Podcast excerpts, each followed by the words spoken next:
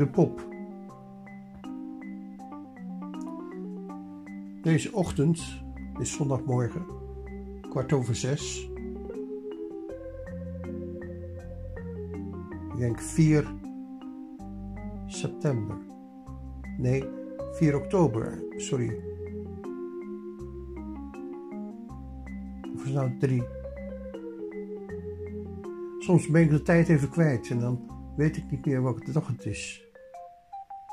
Nou 3 of 4 oktober? Hé, hey, als het 4 oktober is, dan is het Dierendag.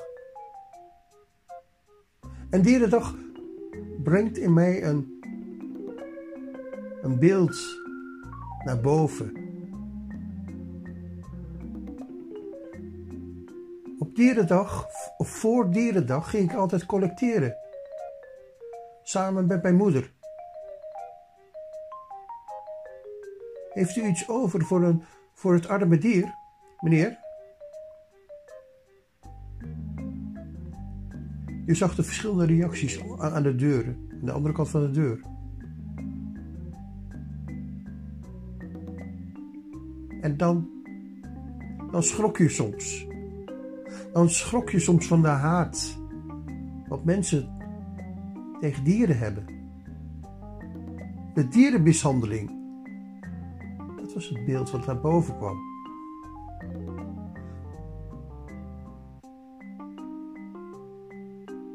Het beeld. Het beeld van een pop. Het beeld van een mens.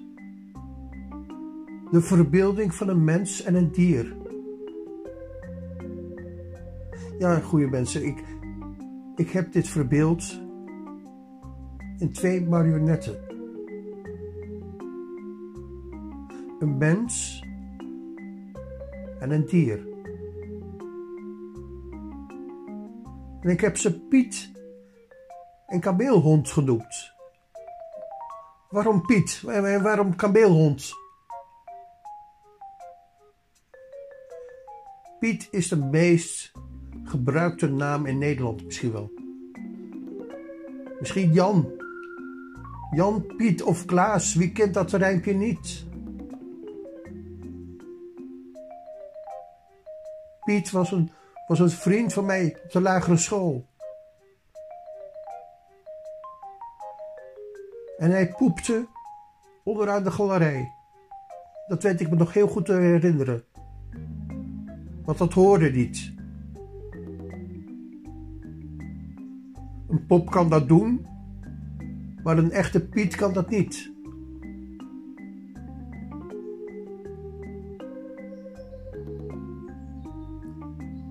De zwarte Piet. Hij is zo zwart als roet. Grote discussies op dit moment. Want dat mag niet. Dat is discriminatie. Piet. Een hoge Piet. Hij is de baas. Want hij is de meest hoge Piet die je voor kan stellen. De gigantische pop.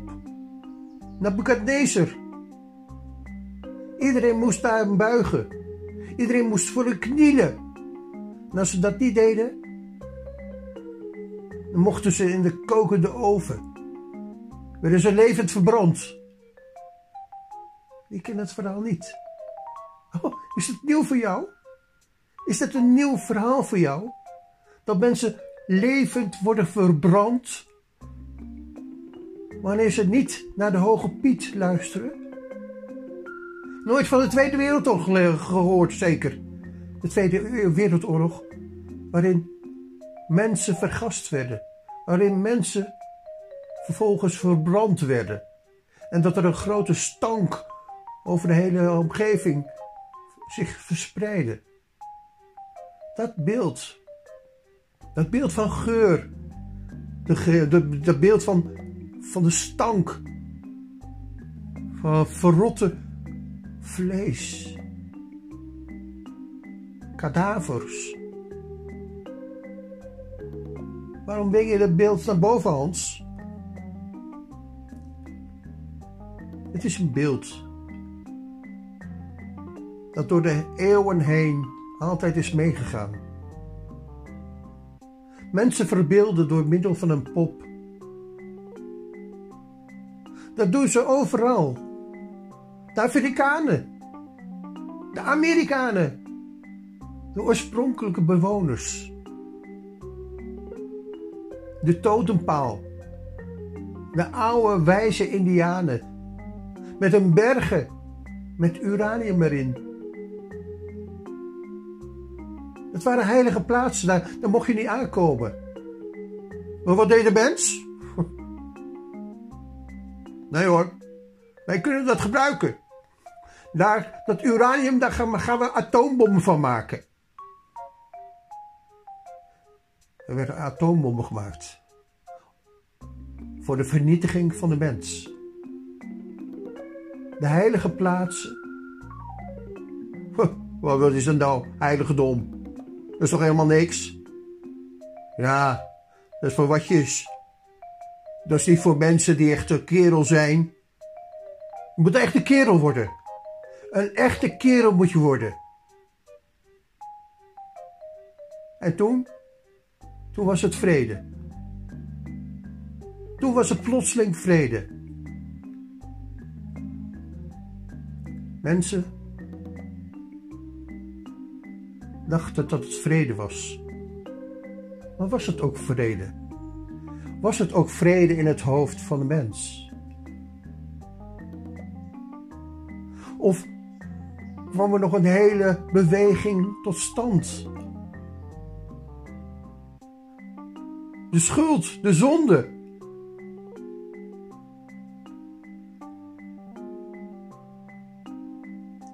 De Joodse concentratiekampen werden nieuwe kampen. Eerst waren het de kampen voor mensen die fout waren in de oorlog.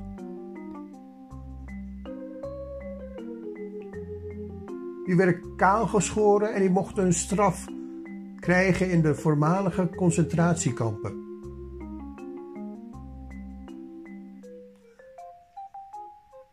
Toen ze die straf gedaan hadden, waren er nog steeds die ruimtes. Wat gaan we daarmee doen?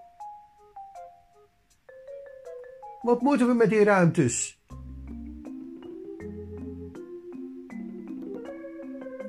Afbreken?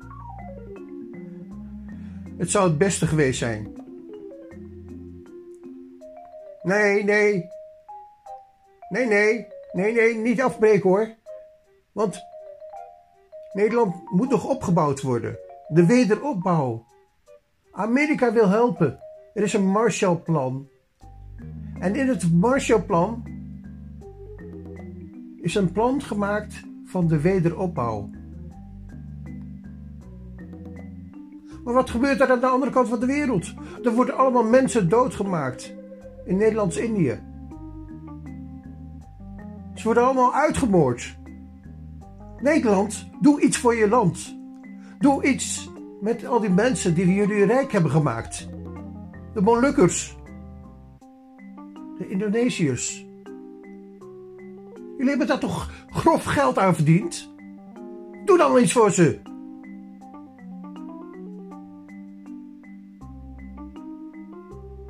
Er staat een verplichting in het Marshallplan dat Nederland verplicht wordt gesteld om iets voor de Molukkers te doen.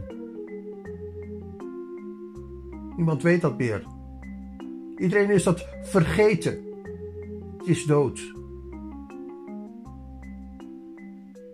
Maar toch, toch kwam het bij mij in leven. En weet je waar? In het plaatsje Nooit Gedacht. Ja, daar heb ik veel gewerkt. In het plaatsje Nooit Gedacht. Het ligt vlakbij het plaatsje Grollo. En daar mocht ik vaak logeren in een hotelletje. Ik werkte in de zorg. En ik werkte in Nooit Gedacht. En ik had er nog nooit van gehoord. En daar in Nooit, nooit Gedacht kreeg ik een collega. Een Zuid-Molukker. En hij hij is degene die mij een verhaal vertelde. Hij vertelde mij. Ja, Hans, ik, ik ben hier gekomen toen ik zes jaar was, samen met mijn ouders. Samen met mijn ouders vanuit de Molukken naar Nederland. En we zouden hier een, uh, uh, een soort gastverblijf krijgen voor twee jaar. Weet je waar we terecht kwamen? Weet je waar we terecht kwamen? In een plaats, en die noemden, we, noemden ze Schattenberg. Daar kon je grote schatten graven. Het voormalige Westerbork. Hij speelde daar in het zand, vertelde hij mij. En hij, hij was op zoek naar schatten. Maar wat voor schatten vond hij? Duitse helmen, daar speelden ze mee. Af en toe een granaat die nog af, eh, af moest gaan. Ze zaten daar in het voormalige concentratiekamp van de Joden. Het is onvoorstelbaar dat, dat Nederlanders dit hebben gedaan. Eerst de oorlogsmisdadigers. Daar kan je ook de vraag tegen achter, achter zetten. Want wie waren dat? En wie zijn er nooit voor berecht? Zijn dat er niet ook wel duizenden? Gaat het eigenlijk wel? Wat, wat, wat, om die schuld. Wat, wat is die schuld? Wat is die zonde? Wat is zonde, zo en zo? Mensen, ik neem jullie mee naar jullie ziel. We hebben allemaal een ziel gekregen. En vanuit die ziel hebben we een keuze moeten maken. Een keuze van dat is goed en dat is slecht. Dat is goed, dat is slecht, dat is goed, slecht, wat, slecht. We maakten die keuze. We maken nog steeds iedere dag die keuze. Wat is goed en wat is slecht? En soms krijgen we verwarring met een pop. Piet kameelhond. Die poppen. Daar zit geen leven in. Maar jij, jij hebt een ziel. Die heeft die pop niet. Die heeft Piet niet en die heeft kameelhond niet. En alleen dat wil ik je duidelijk maken. Door twee marionetten te. Want we hebben, we hebben een leven. Maar het leven als een mens is een leven met een mens met een ziel en een vrije wil. We kunnen kiezen wat we willen. Of niet? Of worden we soms bespeeld? Worden we soms ook in deze coronatijd helemaal bespeeld? Bespeeld door mensen die ons als marionetten gebruiken hey, twee marionetten, Piet en kameelhond. Ja, daar gaat het over. Daar gaat mijn verhaal over. Mijn verhaal van Piet en kameelhond gaan over twee marionetten. Dode dingen. Gemaakt van papier maché en oude verfstokjes.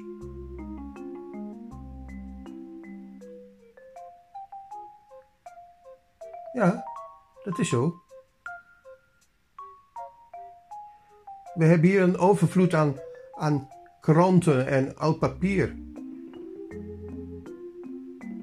Al onze kranten gooien we in een papierbak.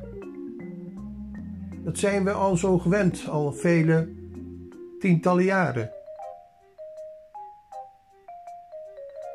Toen ik oud papier wilde zoeken in de Filipijnen, moest ik voor oud papier betalen. Betalen voor oud papier? Je bent toch niet zo zeker gek? Ja. In de Filipijnen moet je voor oud papier betalen. Wij gooien het gewoon weg, massaal. Mijn eerste bijverdienste was de deuren langs. Vragen, meneer, mevrouw, heeft u nog oude kranten voor ons? En dan konden we die oude kranten, namen we mee, die verzamelden we. En die gingen we naar de papierfabriek brengen. En dan kregen we per kilo kregen we een paar dubbeltjes voor. De eerste handel die ik als kind meemaakte.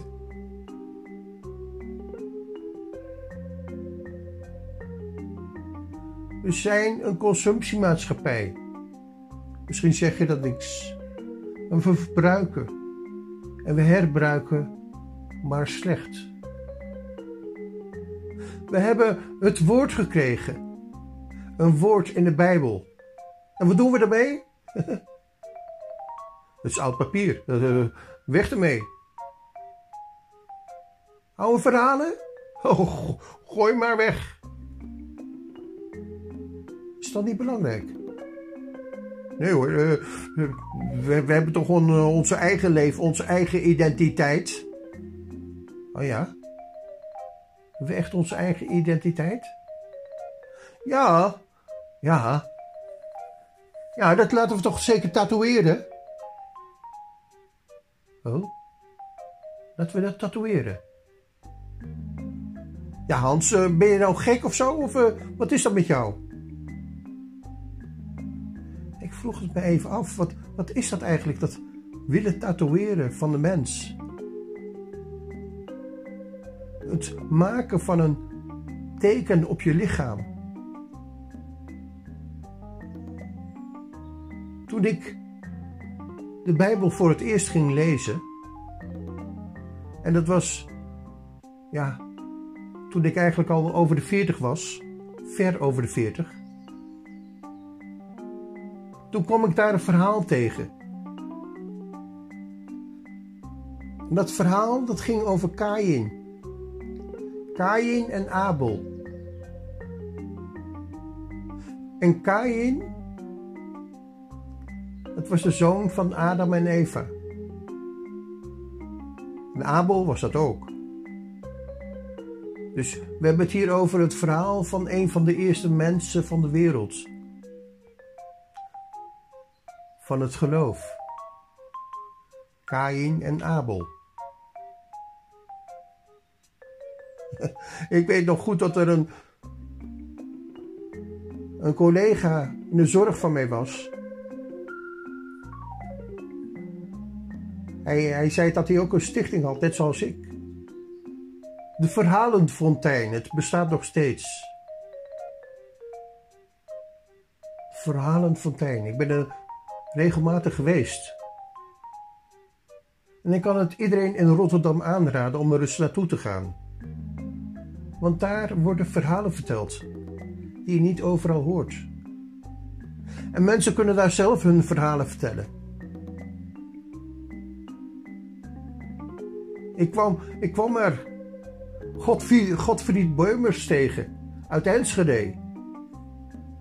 Ja, het, het, zal jullie misschien wel niks zeggen, maar Godfried Beumers was een begrip in Enschede. Hij had namelijk het pop- en spelcollectief opgericht. En ik ken Godfried persoonlijk nog, omdat ik, toen ik op de kunstacademie zat in Enschede, meegewerkt heb aan een toneelstuk wat hij geschreven had. Nu niet voor poppen, maar voor mensen. En dat ging over minderheden. De revue voor minderheden. In die revue kwam alles voor hem samen. Alle bewegingen van minderheden kwamen daar samen. En wat waren die minderheden eigenlijk? De minderheden, dat waren de mensen die werden gediscrimineerd. Oh, zaten er dan ook uh, in? Nee, nee, nee. Ja, ja, toch. Iemand met een donkere huidskleur, die zaten erin. Uh, en natuurlijk homo's en travestieten. Alles zat erin wat een minderheid was. Eigenlijk vind ik dat stuk nog steeds geweldig.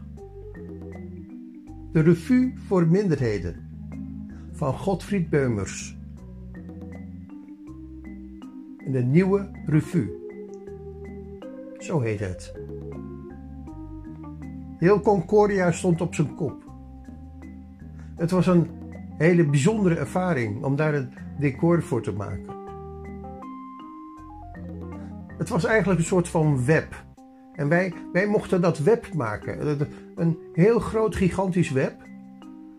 Over, over de hele achterkant van een theater.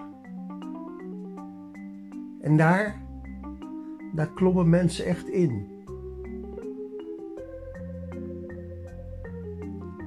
Goocheltrucken. Illusionisten. Trucjes waar mensen maar niet tegen kunnen. Hoe, hoe worden wij bedonderd? Hoe worden wij belazerd? Er was een dokter. Iemand die voor dokter leerde. Maar hij werd geen dokter. Toen hij achter die illusie kwam, werd hij illusionist. Ja, en nog steeds is hij een groot begrip geworden. Ik, ik, ik kan me nog herinneren dat ik in januari, 1 januari, werkte ik in een, uh, ja, in een soort zorginstelling in Den Haag, in de Neerkade. En in dat zorgen, in die zorginstelling, daar, ja, daar mocht ik een paar weken voor gratis werken. Want ik was moeilijk bemiddelbaar. Uh, en ik heb daar gewerkt tijdens alle feestdagen. Want dat waren de dagen die, altijd moeilijk in te vullen waren. En dat moest dan bij iemand uh, gaan werken uh, die minder bemiddelaar was. Terwijl ik dat werk al jaren had gedaan, werd daar niet naar geluisterd, werd niet naar gekeken. Telde niet mee. Ik werd ingezet met die feestdagen. Punt. Dat maakte mij eigenlijk ook helemaal niks uit. Want wat zijn die feestdagen? Wat is kerst überhaupt? Kerst. Is dat de geboorte van Christus? Helemaal niet. Hij is toen helemaal niet geboren. Daar zijn we al lang over uit. Het hele verhaal van kerstmis en de geboorte van Christus in die tijd is een grote leugen. Dat hebben de katholieken bedacht. Oh, vertel ik iets nieuws? Nee, het is echt zo. Nee, de werkelijke tijd waarin Jezus Christus is geboren, is eerder in de zomer geweest. In ieder geval niet in december. Zeker niet in december. Nee, in december was een heel ander feest. Dat was een heidensfeest. Een lichtfeest. En men vond dat wel een leuke bijkomstigheid, het lichtfeest. En ja, waarom is dat een heidensfeest eigenlijk, een lichtfeest? Omdat mensen in hele andere dingen aan het geloven waren dan, dan waar het eigenlijk om gaat in het leven. Mensen hadden allemaal ijdele goden gemaakt. Heilige goden, lichtgoden. En die waren in dat lichtfeest. En dat gingen ze maar allemaal op één hoop brengen. En dat, dat werd het kerstfeest. Eigenlijk is het een vreselijk feest, vind ik. Als ik, als ik naar de, de, de, de, de, de, mijn ouders kijk, hoe zij de kerstdagen door hebben moeten komen. En, en dat ze het eigenlijk allemaal veel beter wilden doen. dan hun eigen ouders hadden gedaan. Want juist die dagen van de kerst waar het zo gezellig moet zijn. Dat moeten. Het gezellig moeten zijn. Het aangewezen plaats, de aangewezen tijds, tijdsperiode in het jaar waarop het gezellig moet zijn. Met, met, met, met, met kerstlicht, kerstverlichting. Eigenlijk belachelijk is het. Ronduit belachelijk. Hoe komen mensen erbij om zoiets te gaan bedenken? Oh, je moet niet aan onze tradities komen hoor, want onze tradities zijn ons heilig. Sinterklaas en Zwarte Piet. Ja, daar heb ik je weer, Piet. Ik was je even vergeten, maar je bent er nog steeds. Je hebt nog steeds niks gezegd, Piet. En je zult ook nooit wat zeggen ook. Want Piet, weet je waar ik aan moet denken als ik nog, nog even aan jou denk? Aan, aan een pop. Aan een pop. Ja, pop. Maar dan pop met een P-O-P. Als een beweging. Als een populaire beweging. De Beatles, de Rolling Stones. Maar ook Jimi Hendrix. Jimi Hendrix werd onder andere ook beroemd met een heel erg indringend nummer over een pop. En het nummer dat heette Voodoo Child. Alle oude rotten in Nederland kennen dat nummer. Zeker weten. Voodoo Child. Maar waar ging het eigenlijk over? Waar gingen al die verhalen over? Waar gingen de Rolling Stones over? De rollende stenen? Als ik er nou aan denk, aan die rollende stenen, dan denk ik ogenblikkelijk aan die steen die dat hele beeld van Nebuchadnezzar in één keer naar beneden haalde. Het verhaal van een droom, maar die ook later uitgebeeld is, die droom.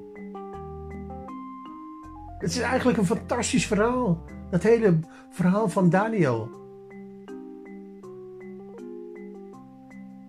Maar het is niet alleen dat verhaal van Daniel. Wat mij afgelopen week vooral heeft bewogen, is een verhaal uit Lucas. En dan ga ik even opzoeken welk verhaal dat ook weer was.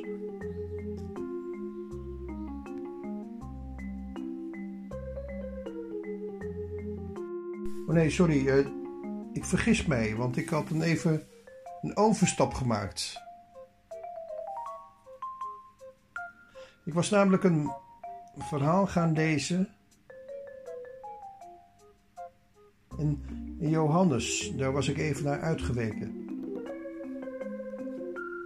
Er was iemand die mee attendeerde op een vers wat in Johannes stond. En toen heb ik tegelijkertijd Johannes 9 gelezen. En, en Johannes 9 is een heel erg belangrijk verhaal voor mij eigenlijk. Want er staat een verhaal over Jezus die een blinde man geneest. Eh, ik zou een klein stukje voorlezen. Ergens onderweg zag Jezus een, een man die al vanaf zijn geboorte blind was geweest. Denk aan de man Jules de Kortje. De man die ook altijd blind is geweest. Of misschien niet altijd, ik weet het eigenlijk helemaal niet. Ik weet dat ik ermee opgegroeid ben. En dat mijn oudste broer Peter nog eens keer het verhaal van ik zal wel eens willen weten heeft voorgedragen op de bruiloft van mijn opa en oma. Een heel bijzonder lied overigens. Van Jules de Korte, een man die blind is. Maar was hij ook echt blind? Of wat is eigenlijk blind? Een blind. Onder een blinde man wordt iemand verstaan die dus niet kan zien. Maar ziet hij ook werkelijk niet? Heeft hij geen beelden? Natuurlijk heeft hij beelden.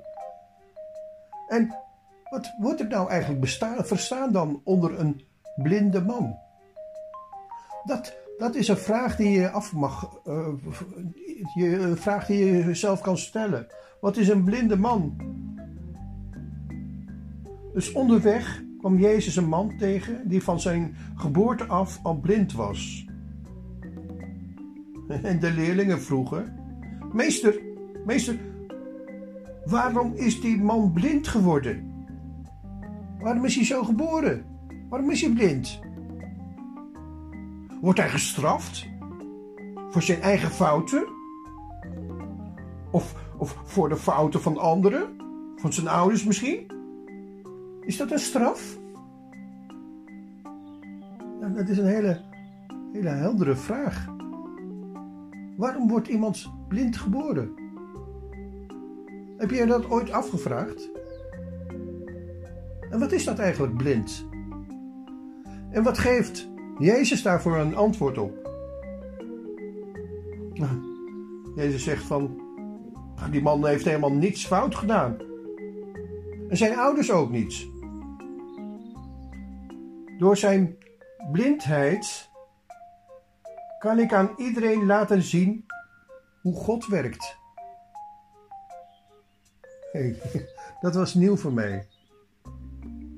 Dat mensen blind geboren worden omdat ze. Omdat, omdat Johannes dan kan. Of Jezus dan kan laten zien hoe God werkt. Ik heb nog nooit. Op die manier had ik nog nooit gekeken naar, naar dit verhaal eigenlijk. Ik had het misschien eens vluchtig gelezen, maar niet goed genoeg. God heeft mij gestuurd, zegt Jezus, en ik werk namens Hem. Ik ben het licht voor de wereld, zegt Jezus. Zolang ik er ben, is het dag. En daarom ja, daarom moeten we nu doen wat God van ons vraagt. Want straks, straks, straks wordt het nacht. En dan kan niemand meer iets doen. Hé, hey, even wachten, want dit, hier wordt wel heel veel verteld natuurlijk. Straks wordt het nacht. Straks kunnen we niets meer zien. Straks valt het doek. Totaal. Alles wat leven leek, is er niet meer. En ik moet opeens denken aan de coronatijd. Zoveel valt er weg. Zoveel zien we niet meer. We kunnen niet meer naar de theaters op een normale manier. We kunnen niet meer naar het museum op, op een normale manier. Alles valt weg.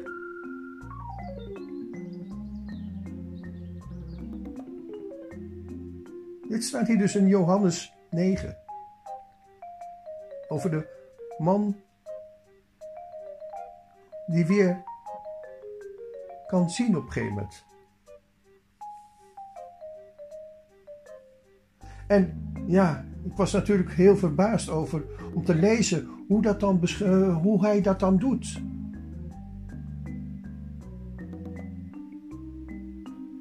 Want hij, hij, hij spuugde op de grond.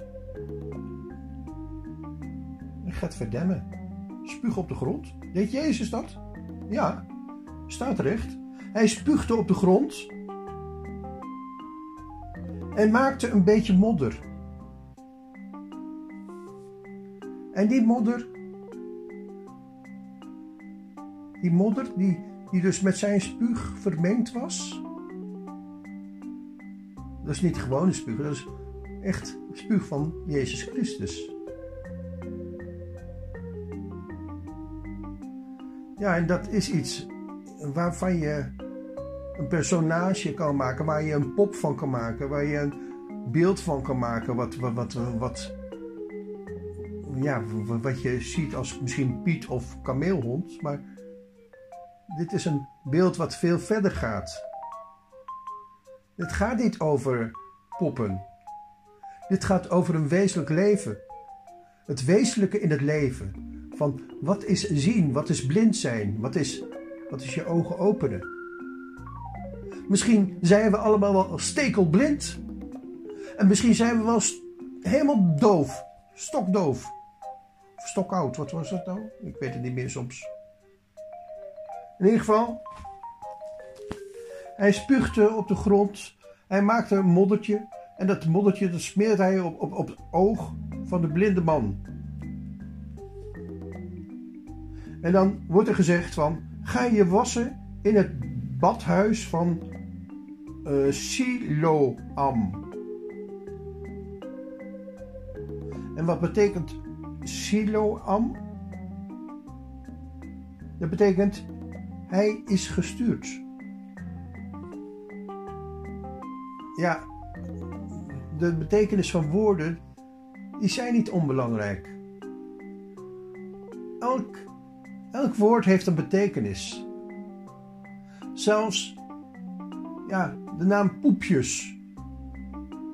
Een naam waar ik vaak om heb moeten lachen toen ik het tegenkwam in het echt. Ik heb vroeger vaak een bijverdienste gehad om folders te verdelen. En dan, dan kwamen we soms de naam Poepjes tegen. Hoe kan iemand zo'n naam nou bedenken? Poepjes. Zo wil je toch niet heten? Toch bestond de naam echt. En als, als ik een fototoestel had, bij me had gehad, had ik er toen een foto van gemaakt. Meneer Poepjes, mevrouw Poepjes, Kareltje Poepjes. ook weer zo'n belachelijke naam die me nog steeds bijstaat is Neukenrad. Neukenrad. Ja. Of pannenkoek. Mevrouw Pannenkoek was ook bekend in onze familie. Oké, de man, de blinde man, ging dus naar weg naar die plaats Siloam. Dus uh, hij, hij, hij is gestuurd. En toen hij dat gedaan had, kon hij weer zien.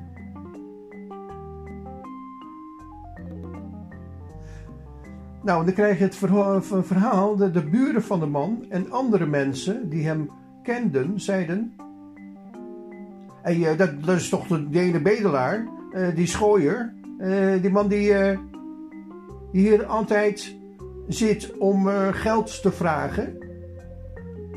Ja, dat klopt, zeiden sommige mensen. Nee, het is iemand anders die op hem lijkt, dat kan niet. Nee, nee, dat, die is al zijn leven lang blind. Hoe zei de man? Ik ben het wel. De man zei het zelf. En de mensen vroegen: Maar hoe komt het dan dat je nu weer kan zien?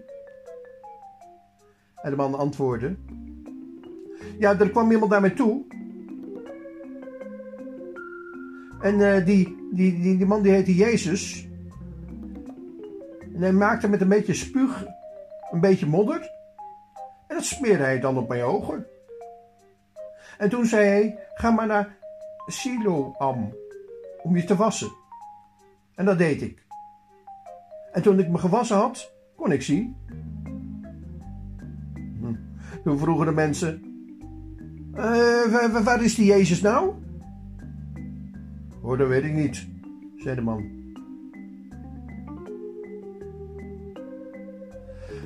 De, mans, de mensen uh, brachten die man die blind was geweest, naar de zogeheten Fariseërs.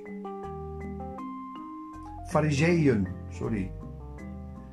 Jezus had een man op Sabbat. Wat is nou Sabbat weer? Ja, Sabbat is een heilige dag van de Joden.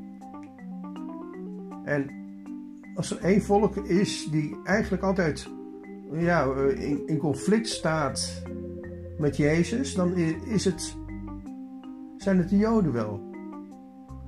De, de, de Joodse leiders voornamelijk, de Fariseërs en de Joden.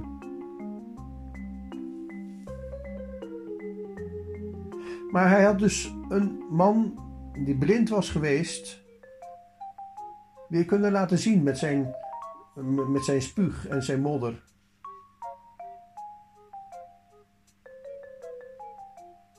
Eh, spuug waar hij modder van had gemaakt. Hij was genezen uh, verklaard door, door de mensen. En ook de fariseërs, fariseeën moet ik zeggen, vroegen aan de man: Hoe komt het dat je nu, nu, nu kunt zien? En de man zei: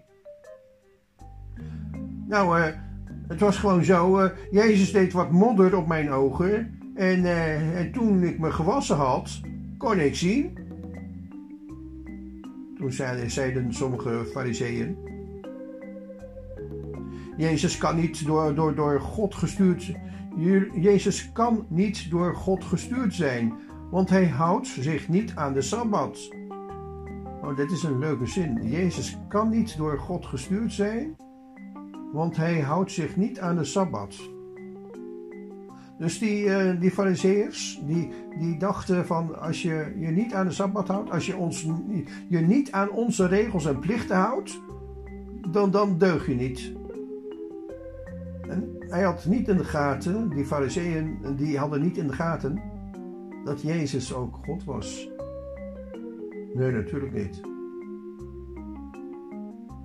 Dat is ook niet zo duidelijk gesteld vaak, eh, want Jezus heeft het heel vaak over de Vader. En dat doet hij niet voor niks. Hij maakt het beeld van een van iemand anders die boven hem staat.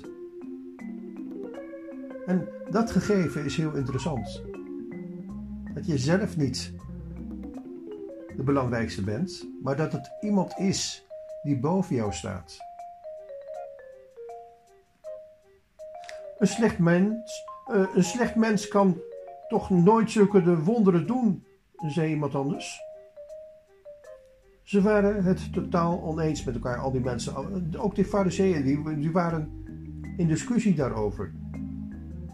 Toen vroegen ze aan de man, die blind was geweest... Wat, eh, wat denk jij eigenlijk van die man die je genezen heeft? En de man zei... Ja, hij is een profeet De Joodse leiders geloofden niet dat de man echt blind geweest was. En daarom, daarom riepen ze zijn ouders erbij. En ze vroegen aan hen: eh, Is dit echt jullie zoon? Is hij echt blind geboren? En hoe komt het dat hij nou weer kan zien? De ouders zeiden: Ja, inderdaad. Dit is onze zoon. En hij is blind geboren. Maar wij weten niet hoe het komt dat hij nu weer kan zien. We weten niet wie hem genezen heeft. Vraag het maar aan hemzelf. Dat hadden ze dus al gedaan. Hij is oud genoeg om zelf antwoord te geven. Ja. Oké, de ouders zeiden dat natuurlijk omdat ze bang waren voor de Joodse leiders. Want de leiders hadden besloten: wie gelooft dat Jezus Messias is, mag niet meer in de synagoge komen. Mag niet meer in ons gebouwtje komen. Hoe belachelijk is zo'n gebouw? Hoe, hoe vreselijk belachelijk is die hele synagoge? Hier wordt dus een, uh, een gebouw heel duidelijk gezien als een kerk. Maar is dat wel zo? Is een kerk wel een gebouw? Dat, dat zou je je eens af moeten vragen. Dus onze zoon is oud genoeg. Vraag dat maar aan hemzelf. Dat zeiden ze dus omdat, omdat ze bang zijn tot, uh, waren om niet meer naar die gezellige sabbat te gaan. Ze toch altijd, uh, ja, dus ze hadden zo'n traditie gevonden. En zoals wij in Nederland de traditie van het Sinterklaas hebben en de kerst met, met, met, eh, op het lichtjesfeest. Hebben zij ook een traditie dat zij naar die uh, sabbat willen gaan. Ach ja, je kunt ze het niet kwalijk nemen. Dat, ja, sommigen hebben hun clubjes, een favoriete clubjes. Dat kan een kaartclubje zijn, maar dat kan ook een, een sabbatvleesje zijn. Toen riepen de leiders de man die blind was geweest voor de tweede keer bij zich. Ze zeiden: We weten al dat Jezus zich niet aan de wet houdt. Spreek nu de waarheid, tot eer van God. Nou gaan ze zelfs ook vanuit de hoogte praten, net zoals Nebuchadnezzar. Nou ja, dat zal wel. Uh, de man zei: of Jezus zich niet aan de wet houdt, dat weet ik niet. Maar één ding, één ding weet ik wel. Eerst was ik blind en nu kan ik zien. Toen vroeg ze aan hem: Maar wat heeft hij dan precies gedaan? Hoe heeft die man je genezen? De man antwoordde natuurlijk: Dat heb ik toch al verteld? Maar jullie hebben niet geluisterd, blijkbaar. Waarom willen jullie het nog een keertje horen? Willen jullie misschien ook leerlingen van hem worden? De leiders begonnen de man uit te schelden op dat moment.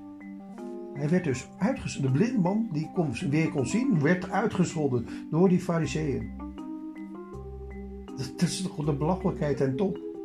Iemand wordt genezen Iemand wordt ten tweede keer nog eens een keer gevraagd: wat is nou precies gebeurd? Hij wordt er een, beetje geïrriteerd van. Wat, wat, wat, is dat nou? Dan zegt hij van: ik heb het jullie toch al verteld? En dan wordt hij uitgescholden.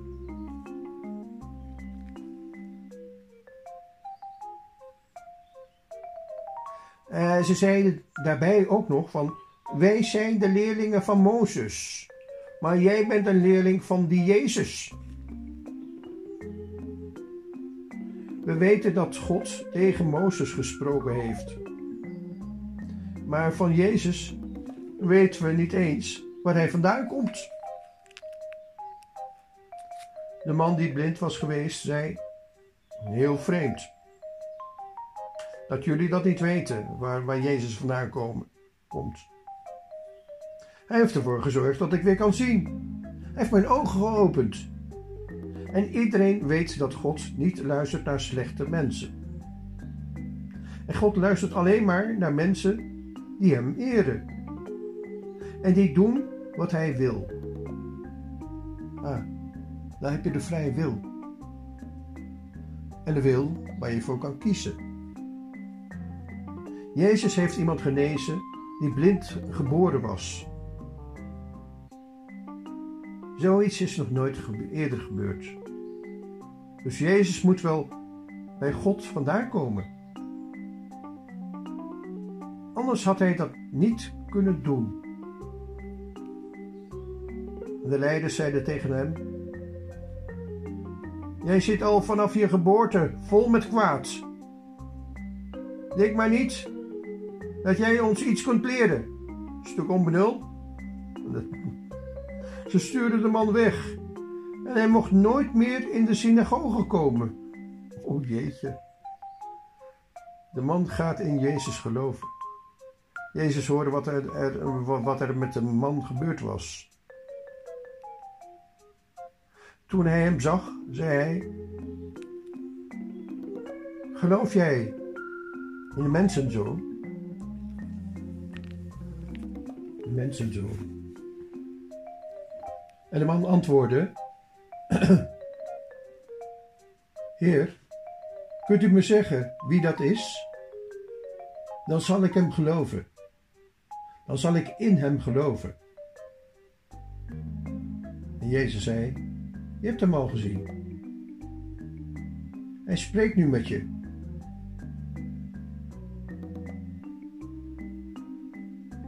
Toen zei de man: Ik geloof. Ik geloof, Heer. En hij knielde voor Jezus. Jezus zei: Mijn komst naar deze wereld bepaalt hoe het met de mensen zal gaan. Blinde mensen gaan zien. Maar mensen die dat die, die zien, zullen blind worden. Nou, dit is, dit is natuurlijk wat, wat hier, hier staat. Dat is zo, zo belangrijk. Blinde mensen gaan zien. Maar mensen die zien, zullen blind worden. Een paar fariseeërs die erbij stonden, hoorden dat en zeiden: Wij zijn toch zeker niet blind? Jezus antwoordde hen: Als jullie blind waren, zouden jullie niet schuldig zijn. Maar jullie beweerden dat je kunt zien. En dus blijven jullie schuldig. Nou, dit is dus het hele verhaal van uh, Johannes 9. Dat kan iedereen uh, nahoren en nalezen. En ik, uh, ja, ik, ik, vertelde al, ik moest denken aan Jules de Korte, de man die dus ook blind was. En die een belangrijke rol in mijn familie heeft gespeeld. Als een, ja, iemand die heel muzikaal was. En zich van alles had afgevraagd. Maar als je dit in dit verhaal van Johannes 9 bekijkt, was die Jules de Korte was een heel bijzonder mens. Hij, hij was dus geboren om iets duidelijk te maken aan de wereld. En dat, dat heeft mijn eigen vader geproefd. Hij wilde het aan zijn eigen vader geven als een cadeautje. Als ik maar dit bedenk, ja, dan, dan ben ik er dankbaar voor. Dan ben ik dankbaar dat, dat mijn vader dit gedaan heeft en zijn zoon dit heeft laten voordragen. Ik was toen nog heel erg jong. Ik weet het allemaal niet zo goed. Maar ik weet wel de strijd die mijn vader met zijn eigen vader had gevoerd. En ik weet ook dat hij ja, tot heel veel dingen niet aan staat is geweest. Omdat hij haat voelde. Haat voor zijn eigen vader. Haat voor zijn eigen moeder. Zolang jij in haat leeft, haat voor je vader of je moeder, ongeacht wat ze doen of wat ze gedaan hebben, dan kom je niet vooruit. Dit verhaal over de blinde man, die vertelt eigenlijk dat je je ogen moet openen. Dat je niet langer blind moet zijn, al denk je dat je nog zo goed kan kijken. Het is een waanzinnig belangrijk verhaal in Johannes 9. Ja. En het is nu intussen kwart over zeven. Ik ben al een uur bezig, denk ik. Maar de, tot zover is het. Oh nee, het is een, bijna 55 minuten. Dit wordt dus een, nieuwe pop, podcast die ik uh, straks ga downloaden. En die, uh, ja, die begint dan over twee poppen. Wat is een pop? Wat is pop? Wat is Piet? Wie is, wie is Piet en wie is kameelhond? En ik heb al heel veel dingen aangehaald. En ik hoop dit, dat dit verhaal, in ieder geval het verhaal van Johannes 9, je bij zult blijven. Want het is niet onbelangrijk om je ogen te openen voor wat werkelijk is. En dat je doorkrijgt dat je eigenlijk een keuze moet maken waar je achteraan loopt. Loop jij achter iemand aan die blind is? Of loop jij achter iemand aan die zijn ogen open heeft? En dat kan dus heel goed een blind iemand zijn. Tot zover deze podcast. En dat op 4 oktober, dus Dierendag 2020, zondagmorgen.